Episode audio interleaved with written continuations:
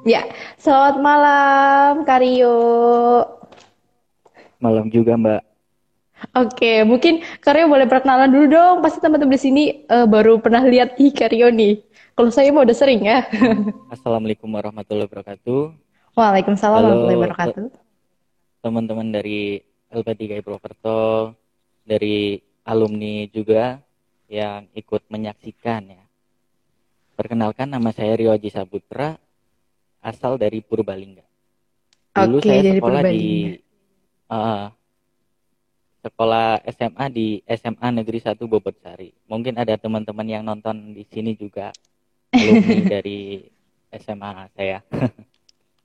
Oke, oke. Mungkin ya barangkali di sini ada yang nonton, ada yang tahu mungkin Karyo. Boleh nanti teman-teman tanya-tanya langsung sama Karyo nih atau mungkin yang belum kenal namanya nih Karyo teman-teman. Nah, saya mau tanya saya mau tanya juga nih, Karyo eh, kalau Karyo di LP3I itu tahun berapa angkatannya? Wah, saya malah hampir lupa ini. Sekitar angkatan 2017 apa ya? 2017. Ah, Iya. lulusnya 2018 kayaknya. Berarti sekarang posisinya sudah lulus atau gimana nih di LP3I? Kalau dari LP3 sendiri sudah lulus dan alhamdulillah sedang menjalani kuliah juga lanjutan di Semarang. Oh, ngelanjutin juga ya berarti ya. Oke. Terus dulu di LP3I Karyo ambil jurusan apa nih? Jurusannya sih sebenarnya awal-awal dulu itu sebenarnya nggak kepikiran sih mau ke LP3I. Mm-mm. Cuman kok ada ya sekolah kayak gini apa yang khususin di kerja juga ya Mm-mm. udah niatnya untuk sekolah juga kan ya udah langsung aja saya ke LP3 ambil jurusannya di, Oh, bisnis di bisnis administrasi administrasi. Oke. Nah, terus kan Karyo ambil jurusan bisnis administrasi ya. Nah, terus di di jurusan bisnis administrasi itu ngapain aja sih? Mempelajari apa aja gitu? kalau ditanyakan mempelajari apa aja sebenarnya banyak juga sih Banyak. Mbak orang pembelajaran juga yang bersifat teori praktek pun juga ada sebenarnya di situ Hmm, hmm, hmm, hmm, hmm. Contohnya ya kalau yang saya ingat sih yang menjadi saya sampai saat ini masuk sebenarnya pelajarannya itu seperti cara membuat dari proposal bisnis, pengantar bisnis dan bagaimana cara menghitung dari usaha itu sendiri yang nantinya Oh, oke, oke. alhamdulillah sampai saat ini berguna juga sebenarnya. Oh, jadi eh, apa diterapkan juga ya di dunia apa namanya Oh. kerjaan atau mungkin dunia bisnis gitu ya? Iya benar. Oke, alhamdulillah sekali ya. Nah, terus nih Karyo berarti eh, mempelajari berusaha kan? Nah, terus Karyo punya usaha nggak nih? Pastinya punya dong. Sesuai judul. Ya, alhamdulillah. Mbak Sofi juga udah tahu kan. Iya dong. Kan ceritanya nih saya belum tahu nih. Yang lain kan belum tahu. Oh, iya ya. Alhamdulillah ternak ikan sih Mbak sebenarnya usahanya saya. Hmm, ternak ikan. Oke. Terus nih Kak, kan di LP3 kan itu Kakak berarti setelah lulus itu kan wirausaha. Nah, di LP3 kan sebelumnya ada penempatan kerja tuh. Kenapa sih Karyo lebih memilih untuk berwirausaha dibandingkan Karyo dapat penempatan kerja di LP3I? Itu gimana?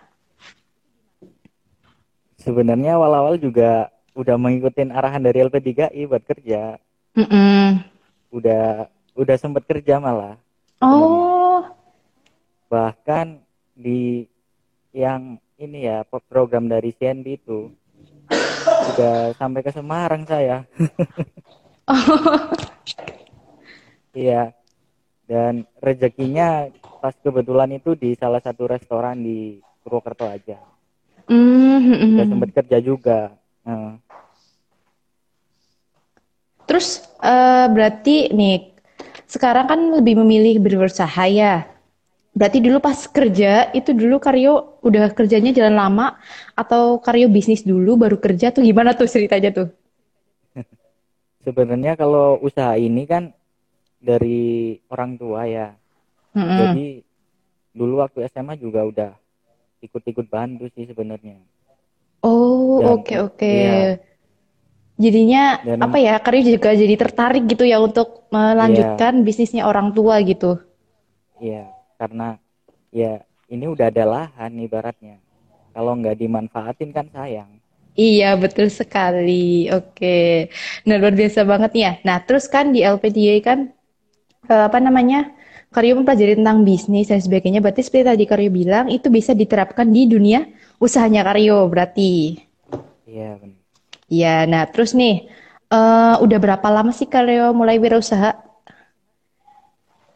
Kalau dihitung sebenarnya sudah dari SMA saya ngebantu, cuman yang ditetapin ya Mm-mm. udah hampir jalan dua tahun ini, alhamdulillah. Oh, udah lama juga ya lumayan. Berarti pendapatannya juga Iya, lumayan tuh. Apalagi kan itu ter, ya apa namanya bisnis sendiri. Ya walaupun awal-awal bantu orang tua dan lain sebagainya gitu. Iya, alhamdulillah buat jajan. Oke oke. Nah terus nih pertanyaannya ada saya yang join. Nah ini, ini rada banyak ya. Nggak apa-apa ya. Nggak apa-apa, santai aja. Oke. Nah terus diusahakan pasti ada yang namanya suka duka atau mungkin apa dari sebagainya itulah ya. Suka dukanya jadi seorang wirausahawan apalagi eh, di umur yang dibilang masih muda ya ini ya. Kan kita seumuran ya nggak? Suka Mudah dukanya itu Mbak apa aja? kok.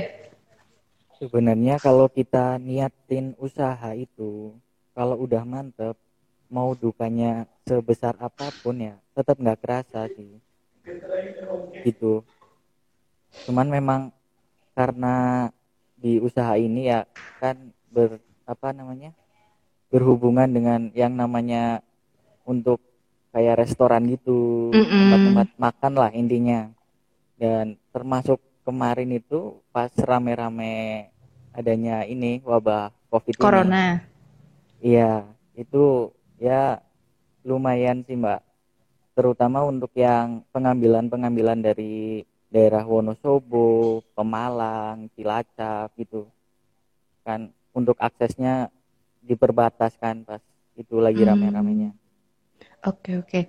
Tapi kan di tengah pandemi kayak gini, itu berarti bisnisnya nggak terlalu berpengaruh atau gimana tuh? Nggak terlalu berpengaruh dengan bisnisnya Karyo. Alhamdulillah sih sampai saat ini alhamdulillah tidak terlalu berpengaruh Oke. ya apalagi kan yang namanya ikan kan setiap hari dikonsumsi Ah, gitu iya, iya, iya. Oke, oke. biarpun ada corona juga pasokan dari lokal sini alhamdulillah masih rame Oke, alhamdulillah ya. Oh, berarti tetap, ya berarti eh, nggak hanya luar Purwokerto aja dan Purbalingga ya. Berarti lokalan iya juga benar ada gitu. Tapi paling iya jauh nih untuk pengiriman ikan kayak gitu tuh, biasanya paling jauh sampai ke mana? kalau kita biasanya sampai ke masih lingkup Jawa sih cuman daerah Pati gitu Kendal Semarang lah pokoknya gitu Hmm, jauh juga ya. Ah, Oke, berarti nih, eh berarti kan karya udah, alhamdulillah udah sukses tuh ya, udah sampai ngirimnya ke luar kota dan sebagainya, kayak gitu ya. Nah, terus tips-tipsnya nih dari Karyo sendiri, buat teman-teman yang ingin memulai bisnis dari nol, itu apa aja sih, gitu. Apalagi kan di tengah pandemi kayak gini ya, pasti kan eh, suka dukanya banyak banget tuh. iya intinya kalau mau niat dalam usaha itu jangan setengah-setengah mbak jadi kalau udah mantep ya mantep sekalian mau gimana pun nanti resikonya itu udah jadi taruhan ibaratnya. Misal nih mbak mau bikin usaha apa ya makanan contoh lah warung-warung gitu. Ya kalau mbak pengen telat apa namanya itu telaten kan ya kalau di Jawa? Eh iya, ya iya digiatin terus pokoknya. Jangan setengah-setengah pokoknya. Kalau mau usaha ya itu memang harus ibaratnya sepenuh jiwa lah mbak kayak mbak Sofi kan gini bekerja kan sepenuh jiwa Oke, oke. Oke, jadi memang kuncinya itu harus sepenuh hati dan sepenuh jiwa gitu ya. iya selama ada niat dan usaha sih insya Allah bisa Intinya yang pertama kali memulai bisnis yang pastinya itu harus niat dulu ya. Kalau nggak kalau Iya, nggak benar. niat jadi percuma aja ya karena kan memang segala Ah, sesuatu yang didasari dengan niat pasti apa namanya akan akan lancar ke belakangnya gitu ya. iya, benar. Oke. Nah, terus nih Karyo, saya kan sudah selesai nanya nih. Sekarang tinggal teman-teman yang pada Iya. nanya ke Karyo nih. Mungkin siapa tahu buat teman-teman ada pertanyaan untuk Karyo tentang bisnis dan lain sebagainya. Atau mungkin apa deh intinya tentang bisnis yang teman-teman pengen tahu dari Karyo gitu. Ya, Saya monggo saya simpulin dulu ya. Jadi Karyo ini adalah Iya, seorang entrepreneur muda ya asalnya dari Purbalingga dan Rio ini sekarang sedang menjalani bisnis ikan. Jadi bisnis ikannya ini alhamdulillah juga udah berjalan selama 2 tahun. Nah, jadi untuk sistem penjualan dan sebagainya juga alhamdulillah itu sudah sampai luar kota, teman-teman. Jadi buat teman-teman atau mungkin yang sedang membutuhkan ikan buat dimasak dan sebagainya, itu teman-teman bisa nih ke Karyo atau mungkin teman-teman yang belajar bisnis sama Karyo. Itu juga boleh banget, teman-teman. Nah, jadi teman-teman yang pengen kepo-kepo, silahkan langsung tanya di kolom pertanyaan. Mungkin ini sudah ada yang nanya ini, bentar. Oke, ini ada pertanyaan dari Trio. Makna pendidikan apa, Kak? Makna pendidikan apa untuk entrepreneur? Ini gimana nih pertanyaannya nih? mohon izin jawab ya, Mbak. Oke, boleh, boleh, boleh. Eh, Mungkin yang dimaksud dari pertanyaan itu apa sih pentingnya pendidikan Pendidikan. itu Eh, untuk usaha itu kan ya? Kalau boleh saya jawab nih ya, pendidikan itu penting. Intinya pendidikan itu nomor satu. Meskipun nanti kita mau jadi apa pun, pasti pendidikan itu penting, Pak. Jadi kayak kayak saya di usaha ini kan hampir se 90% lah praktek kan ibaratnya. Jadi teori 10%. Tapi kalau saya tidak mendapatkan ilmu-ilmu yang didapatkan dari pendidikan itu, termasuk di LP3 itu, mungkin saya nggak bisa bagaimana cara memanajemenkan dari pelanggan konsumen gitu, bagaimana saya tidak dapat mendistribusikan gitu. Oke, iya. Jadi untuk trio yang bertanya, jadi itu jawaban dari Karyo ini luar biasa banget jawabannya ya. Jadi memang menurut Karyo itu pendidikan itu juga penting untuk wirausaha. Karena kan di pendidikan itu eh, Karyo juga mempelajari tentang bagaimana perilaku konsumen, terus distribusi ya tadi ya Kak. Distribusi, terus ada proposal bisnis dan lain sebagainya. Intinya menurut Karyo itu pendidikan nomor satu gitu. Karena biar kita tahu tentang dunia bisnis gitu ya Kak. Ya benar Mbak. Oke, sambil nunggu pertanyaan dari teman-teman, mungkin saya mau nanya lagi nih, Kak. Eh, kan posisinya sekarang Karyo juga bisnis, terus katanya juga lagi lanjutin kuliah. Nah, gimana manajemen waktunya Karyo buat membagi antara bisnis dan kuliah? Ya sebenarnya susah-susah gampang sih Kak. Soalnya kan kalau kita usaha di ikan kan kalau masa panen itu bisa satu bulan berlanjut itu full di kolam memang. Jadi Oh, iya dari jam pagi lah katakanlah jam 7 itu selesai-selesai sampai jam 5 memang. Tapi untungnya untuk perkuliahan yang saya lanjutan ini membantu sekali karena kuliahnya itu hanya di hari Sabtu dan Minggu. Jadi bisa di inilah compare. oke, berarti masih tetap bisa memanage ya. Jadi ternyata kalau eh, Karyo berarti itu kalau misalkan lagi pangsa panen itu full dari pagi sampai jam 5. Iya benar. Dan itu Apalagi kalau ngirim-ngirim gitu kan Mbak bisa pulang-pulang habis isa lah. Oh, jadi kalau untuk pengiriman itu Karyo melakukan sendiri atau memang udah ada yang membantu Karyo nih karyawannya? Ada ini sih apa kayak pembeli juga kayak istilahnya itu blogger gitu lah. Hmm, jadi Jadi dia yang nanti ambil sendiri. eh, ambil kadang juga kirim kalau ke lingkungan lokal lah. Oh, oke, oke, oke. Wah, ini Katrio nanya lagi nih. Oke, ini pasti Karyo bisnis apa nih yang cocok di saat pandemi seperti ini?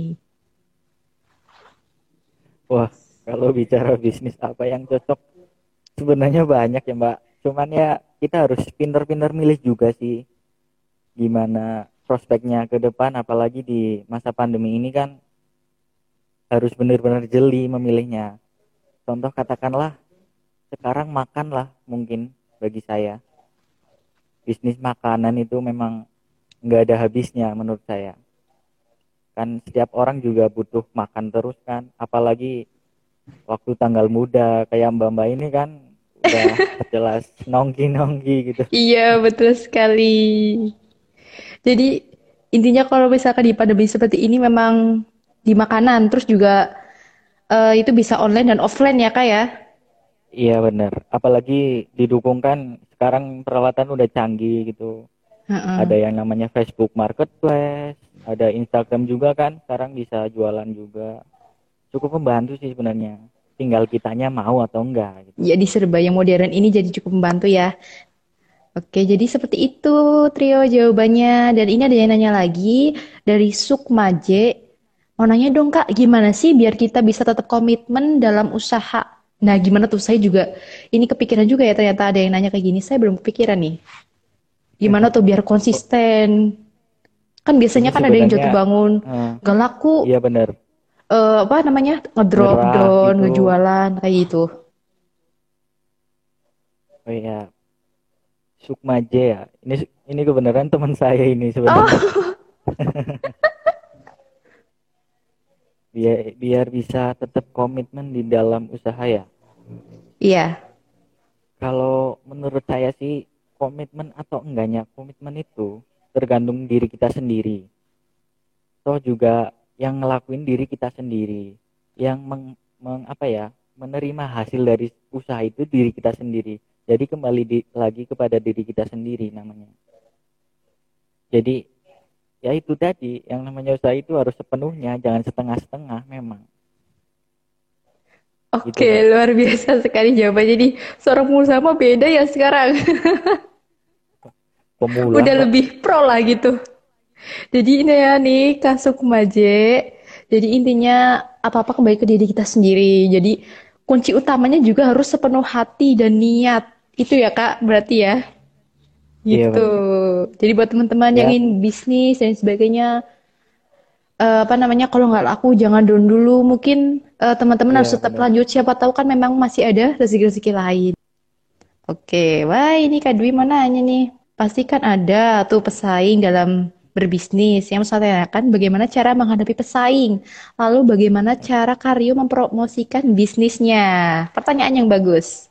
pesaing itu pasti ada ya mbak yang namanya usaha kan ada yang apa ya kalau di sini istilahnya pesaing itu buat motivasi sih sebenarnya jadi kalau pesaingnya lebih maju ya udah kita harus lebih maju gitu jadi di sini mah nggak ada pesaing sebenarnya orang di desa saya sendiri itu hampir satu apa ya satu lokasi itu beternak ikan semua malah. Oh, Eh, jadi malah itu menjadi motivasi tersendiri bantu lebih maju membantu. gitu ya. iya benar jadi saling membantu lah ibaratnya. Kalau promosi sih dari awal itu memang tertujunya itu untuk pasar lokal dulu ya mbak kayak di perikanan gitu restoran-restoran di lokalan sini lah Purbalingga Purwokerto gitu. Semakin lamanya waktu kan kita kan sebenarnya kita masuk ke satu orang itu sama saja kita memperluas link sebenarnya.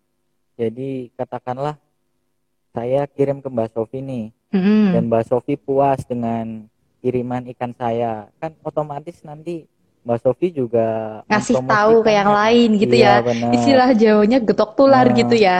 Jadi iya kayak benar gitu. apa sih eh word of mouth gitu ya dari mulut ke mulut nah yang lain gitu iya ya mulut ke mulut kan itu benar ada di pelajaran bisnis. Iya benar ada di pelajaran juga. Dan berangsurnya waktu ketika kita udah merasa usaha kita udah berhasil itu nanti otomatis para pembelilah yang akan datang ke sini. Jadi gitu mbak. Oke gitu Kak Dewi untuk jawabannya. Sudah puas belum nih Kak Dewi dengan jawabannya Karyo? Luar biasa banget nih Karyo nih. Eh, kesan dan pesan Karyo selama kuliah di LP3I dan sampai bisa berbisnis seperti sekarang? Untuk kesan sendiri sebenarnya yang saya suka dari pembelajaran di LP3I sebenarnya. Jadi kita di LP3I itu bukan hanya diajarkan secara teori praktek pun juga sebenarnya diajarkan. Contohnya seperti bertemu dengan dosen-dosen praktisi itu itu yang paling saya suka sebenarnya. Di mana setiap dosen itu ada yang memiliki suatu bisnis sendiri dan mau membagi lah istilahnya. Hmm, membagi mau sharing. pengalaman eh, bersharing kepada kita yang muda-muda ini bagaimana tantangannya gitu itu yang mungkin bagi saya jarang sih di kampus-kampus lain adapun juga ada di seminar umum itu pun juga bayar iya Mbak betul. Itu pun berbayar ya.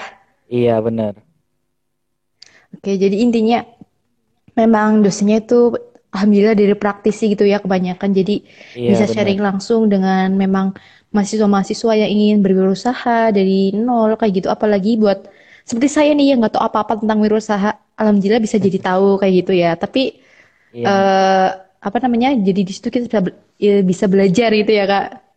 Eh, benar jadi kan yang namanya belajar kan nggak harus di kelas kan Di kelas tapi sebenarnya di mana pun gitu ya. iya di mana pun juga belajar kayak kita ketemu orang baru juga belajar sebenarnya Oke, mantap nih Karyo. Pengalamannya udah banyak juga nih ya. Lebih banyak kan Karyo nih. belum mbak masih pemula aku Oke. Punya quotes tersendiri ya bikin Karyo semangat untuk meraih cita-cita. Masya Allah gitu. Aduh, Dari saya ini pertanyaan dari saya. Wah ini ada, ada pertanyaan lagi nih. Jawab dulu dong ya punya saya. Motivasinya. Eh oh bukan ya motivasi, quotes. Quotes yang bikin Karyo semangat. jika ingin berhasil ya jangan setengah hati tapi sepenuh hati dan kalau ingin berguna jangan pernah merendahkan orang lain Asik, Rio Teguh ini. Saya tepuk tangan dari sini deh. Oke. Jadi intinya jangan setengah hati dan jika ingin berhasil jangan merendahkan orang lain. Luar biasa. iya benar Ini ada dari Kak April. Kak mau nanya dong bagaimana cara mengukur kepuasan konsumen dengan produk Kakak. Lalu inovasi seperti apa yang dilakukan agar usaha tetap lancar dan semakin berkembang? Untuk cara mengukur kepuasan dari konsumen itu sebenarnya bagaimana kita menghasilkan suatu barang atau jasa itu yang berkualitas ya. Tentunya contohnya saya di bidang ikan lah katakanlah. Jadi setiap saya kirim ikan itu pastikan dulu ikannya itu benar-benar sehat dan kualitasnya untuk standar yang di restoran juga gitu. Jadi ikan segar lah pokoknya. Jadi dari itulah nanti para konsumen yang akan ini sih Mbak apa namanya Menilai gitu ya. menilai iya. Jadi kalau mengukur kepuasan ya dari konsumen sebenarnya. Berarti testimoni gitu ya. Iya. Ya alhamdulillah yang sudah dikirim alhamdulillahnya ya merasa seneng sih. Baik Belum semua responnya berarti komplain. ya. Iya. Oke, oke. Jadi seperti itu, Kak April. Waduh, ini ada pertanyaan lagi nih, Karyot. Ini pertanyaan terakhir nih. Mantep banget nih pertanyaannya. Omnibus Law. Gimana tuh, Kak? Entrepreneur lebih diuntungin sama RUU Cipta Kerja. Omnibus Law. Hukum Omnibus berarti ya. Apa enggak nih, Kak? Gimana menurut Karyo efek Omnibus Law untuk pengusaha? Kalau pertanyaan ini terlalu berat tapi ya Mbak. Gimana nih, Karyo? ya sebel- sebenarnya yang namanya om- omnibus law kan berkaitan dengan serikat kerja kan ya. Iya. Jadi untuk pengusaha sendiri sebenarnya alhamdulillahnya nggak ini sih nggak berpengaruh ibaratnya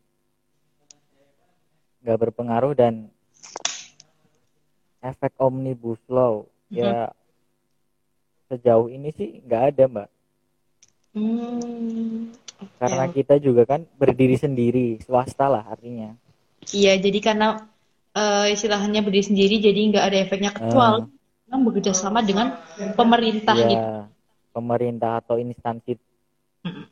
itu Oke, jadi sudah terjawab ya, Kak Trio. Nah, mungkin itu adalah pertanyaan penutup ya dari Trio. Jadi buat teman-teman yang baru bergabung, nanti kalau kepo nonton dari uh, bisnis talk kali ini, teman-teman bisa nanti lihat di IGTV-nya. Nanti akan saya upload di IGTV. Jadi teman-teman langsung nonton aja atau mungkin dengan teman-teman yang telat itu nanti bisa tanya di kolom komentarnya di IGTV. Nanti insya Allah akan dijawab sama Karyo. Jadi nanti Karyo boleh dijawab tuh di kolom komentar di IGTV Kak kalau misalkan ada yang bertanya. Bisa bisa Mbak. Oke, ya mungkin teman-teman semuanya terima kasih nih sudah menonton dan yang baru gabung juga terima kasih juga dari Karyo juga saya ucapkan terima kasih karena sudah uh, sempat hadir di malam hari ini dan bisa sharing-sharing yeah. ke iya. teman-teman apalagi ke saya saya jadi tahu tentang dunia bisnis gitu karena saya sendiri ya, sama-sama mbak cuman memang belum ada niatan nih kak jadi belum hati jadi masih ragu-ragu gitu iya intinya kalau masih ragu-ragu mending gak usah sekalian gitu mm -mm. Soalnya saya juga bolak balik ganti bisnis, jadi bingung passion saya itu apa gitu. Kalau misalkan bisnis di apa? Oke, terima kasih. Nah ini pada nyemangatin Karyo. Semangat terus kak. Oke. Ya, sama-sama.